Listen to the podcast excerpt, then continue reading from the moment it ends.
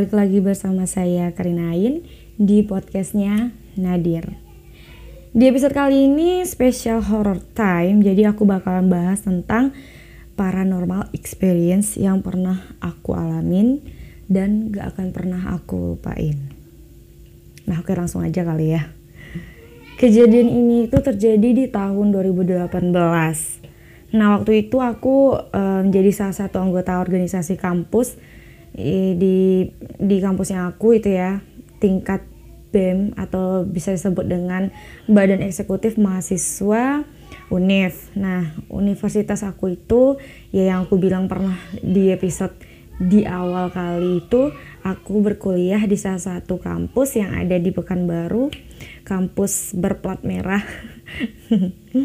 Oke, okay, um, jadi dikarenakan uh, udah habis masa jabatan kami, jadi kami ingin melaksanakan yang namanya agenda terakhir yang be yang bebas gitulah. Maksudnya di sini tuh kayak nggak terikat gitu loh. Terus uh, lebih tepatnya itu kayak jalan-jalan deh. Ya enggak sih? Sekalian belajar gitu katanya study tour. Makanya dinyamain study tour gitu.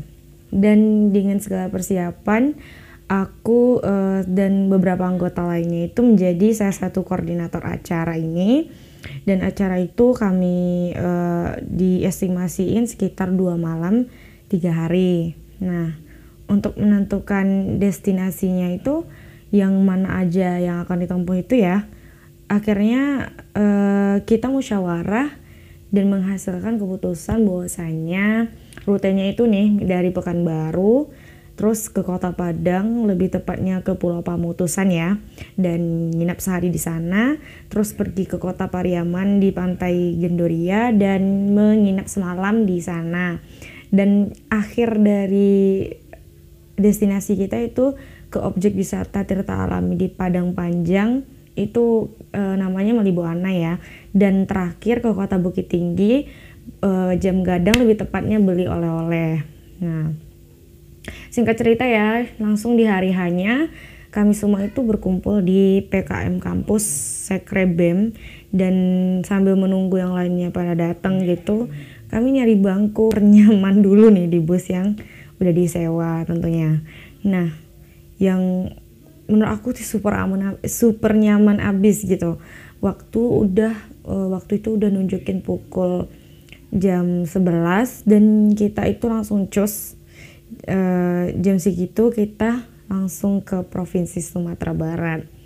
Nah, setelah sampailah di Pulau Pamutusan, setelah, setelah asaran ya, dan kita udah sampai di pulau, kita dari uh, dari bibir pantai ke pulau itu sekitar satu setengah jam gitu mau ke pulaunya, dan sampai di pulaunya itu kita Eh, main-main uh, dulu. Sampai di sana tuh kita kayak basah-basahan main air biasa lah ya. Sampai mau maghrib itu baru kita berkemas. Nah semua tukar baju karena nanti kita itu bakal ada acara malam api unggunnya.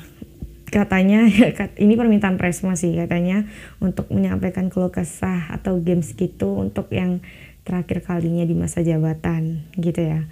Dan selesai games itu hmm, aku ya capek banget kali ya. Tapi pas itu ke tenda pas aku mau istirahat itu kan aku maunya ke tenda ya. Itu panas banget gitu. Terus aku ak akhirnya itu milih buat uh, kayak keliling dulu deh gitu. Keliling keliling maksudnya itu kayak cari-cari angin dulu gitu biar nggak nggak nggak panas banget gitu dalamnya kan.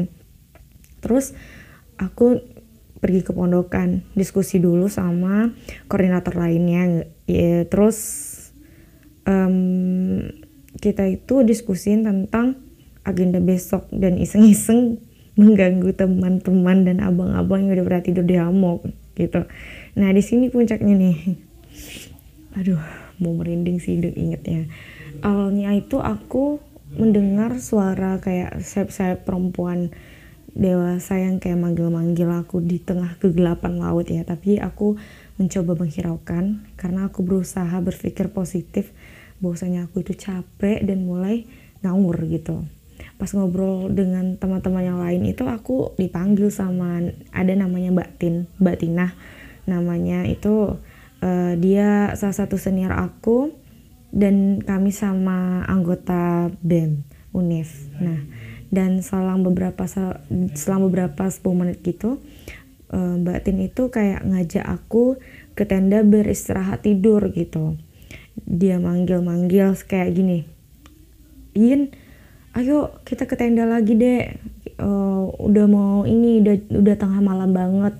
Ayo kita tidur besok nanti ntar kecapean kata gitu kan oh iya iya mbak iya mbak kataku gitu kan tapi aku sambil lagi ngobrol gitu lagi diskusi kan ya sama teman koordinator lain terus nggak lama setelah itu selama beberapa menit kayak gitu hmm, sekitar lima menitan sih menurut aku ya.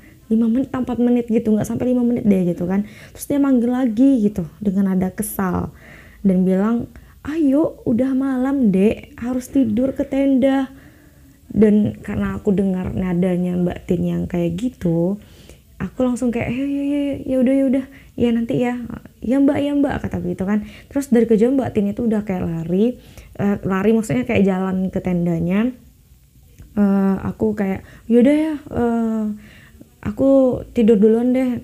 Soalnya segan sama Mbak Tin udah kayak ini udah apa namanya udah ngomel-ngomel udah kayak mama kata gitu kan sambil ketawa sama orang tua.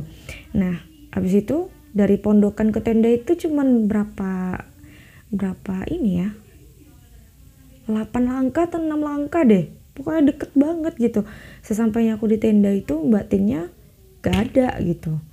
Yang ada itu hanya Yoko sama Kak Siska. Terus ada satu adik adik junior juga di bawah kan. Terus aku kayak buat ini aku langsung kayak oh balik aja deh kayaknya aku uh, manggil Winda deh biar ngajak dia juga balik ke tenda gitu biar buat tidur gitu. Dia nggak mau karena panas dan lebih milih di pondokan aja tidurnya katanya gitu dan terus aku kembali lagi deh ke tenda. Berpikir Mbak Tin itu udah ada di sana gitu ya. Tapi belum ada. Terus aku kayak nanya-nanyain dong sama anak-anak yang lain. Kayak lihat Mbak Tin nggak kalian? Gitu kan. Dan aku kayak kan aku kan nanya itu sama teman aku namanya Yandra. Terus aku tuh kayak berdiri ini kan tenda. Tenda itu deket banget sama hamuk. Hamuk yang lagi dibentang gitu deket pohon kan ya. Terus uh, aku nanya gitu uh, Yan kamu lihat nggak Mbak Tin? Kata begitu kan. Terus Yandranya bilang nyeletuk noh dari tadi tuh di hamuk tidur katanya gitu kan. Terus aku bilang kayak gini loh maksudnya dari tadi gimana Yan katanya gitu kan. Iya abis kita main game tadi batin itu langsung ambil toprak akuin no di hamok tuh tidur pulas gak tega ininya kan kata gitu. Terus aku wih aku merinding nih. Sontak aku tuh kayak langsung merinding. Buku doa aku remang aduh. Dan aku hanya bisa kayak diem terus kayak mengucap banyak banyak istighfar sambil bergumam. Lalu siapa yang dua kali tadi manggilin aku? Malam itu aku langsung kayak masuk ke dalam tenda terus aku untuk tidur terus aku berpikir positif aja. Mungkin ini karena memang aku itu kecapean kali ya dan mudah untuk digangguin sama yang begituan gitu nah esok harinya kami pun masih ngabisin waktu buat main-main di pantai. Ada yang diving ada yang apa namanya ada yang foto-foto main air lain segala macem gitu ya enggak sih. Sampai pada akhirnya kami itu udah selesai sholat Jumat itu hari Jumat ya paginya. Jadi pas banget yang kemarin itu rupanya malam Jumat gitu. Nah besoknya itu kami langsung kayak udah mau habis-habis Jumat gitu um, balik lagi kami ke permukaan daratan ke bibir pantai lagi siap-siap buat ke destinasi selanjutnya. Nah itu kami ini aku singkat potong aja ya sampai di pantai Gondoriah di Pariaman. Nah itu karena kami karena melihat melacak di tempat Pantai Gondoria itu kayaknya nggak bisa nginep dan akhirnya kami mutusin kami selaku koordinator acara itu mutusin buat tidur di tempatnya Kak Siska. Nah di tempatnya Kak Siska itu sekitar 2 kilometeran lah dari dari Pantai Gondoria itu menuju ke rumahnya dia. Nah habis itu habis dari sana itu kayak di sana itu kayak dipisahin kami yang cowoknya di rumah yang sebelah sini kaminya yang di rumah yang kak Siskanya rumah intinya dia gitu nah setelah itu nyampe di rumah dia langsung kayak mau mandi ngantri lama gitu kan. Jadi kayak aku sama yang lain-lain kayak mau kayak kayak apa kayak ngikutin mbak Sis, kak Siskanya gitu kayak um, nyekor gitu. Terus kak Siska bilang eh ikut nggak ini? Mau buang sampah ke dekat belakang dekat rumah tuh. Buang sampah dekat sungai. Ada sungai loh di belakang nih kata dia gitu kan. Terus aku bilang eh iya ya ikutlah kak ngapain di sini nih rame kali gitu kan. Ya udah ikut. Waktu itu malam itu yang yang ikut itu berlima. Aku Kasiska uh, Winda uh, Kak Morisa. Eh ber, sama Kak Diana. Nah lima. Berlima nih kami buang sampah. Mbak Tinnya nggak mau ikut karena dia katanya pengen mandi cepet-cepet mandi gitu. Jadi kami berlima pergi ke buang sampah nemenin kasiskanya ini emang emang aku yang capek atau gimana memang bener-bener aku ngerasa emang banget. Aku dari jauh aja tuh udah kayak kelihatan ada orang samar-samar pas kami menelusuri jalan setapak ya. Itu kayak jalan jalan jalan. Aku aku ber, di tengah gitu beriring sama Kak Siska sama Winda. Nah dari jauh itu aku udah kayak kelihatan kayak ada perempuan rambut panjang bajunya itu warna merah dia ketawa ketawa gitu. Ketawanya kayak uh, senyumnya itu kayak lebar banget gitu sampai di mukanya dia. Terus aku diam aja aku nunduk lagi ke bawah gini. Tapi dia karena aku makin merunduk makin merunduk dia makin malah makin keras banget gitu suara ketawanya. Terus aku kayak nanya sama kak Siska sama ini atau sama kak Melisa e, kayak dengar suara nggak kalian? Diam aja lah diam aja lah kata kak Siska tuh kan. Terus kayak oh mungkin gak aku aja yang dengar gitu. Tapi windanya santai aja gitu aku lihat kan. Terus udah lama itu cuman bentar doang kasih kayak buang sampah aku langsung kayak buru-buru langsung kayak balik badan terus kayak astagfirullah astagfirullah baca astagfirullah astagfirullah gitu kan ya. Terus aku sambil kayak megang dua tangan gitu kayak di aku ada aku geret Winda di sebelah kanan terus kayak di sebelah kirinya aku kayak geret orang juga gitu kayak geret tangan juga gitu. Nah aku masih ingat banget waktu malam itu yang di depan aku itu Kak Siska Kak Morisa sama Diananya di belakang Winda gitu. Aku masih ingat banget malam itu. Jadi terus kan gini gitu aku geret Winda gitu kan.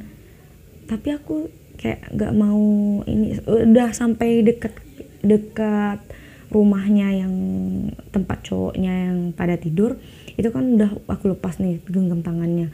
Terus aku baru nyadar pas uh, mau tidurnya kan. Yang tadi yang tadi itu aku udah belum uh, belum sadar sih gitu.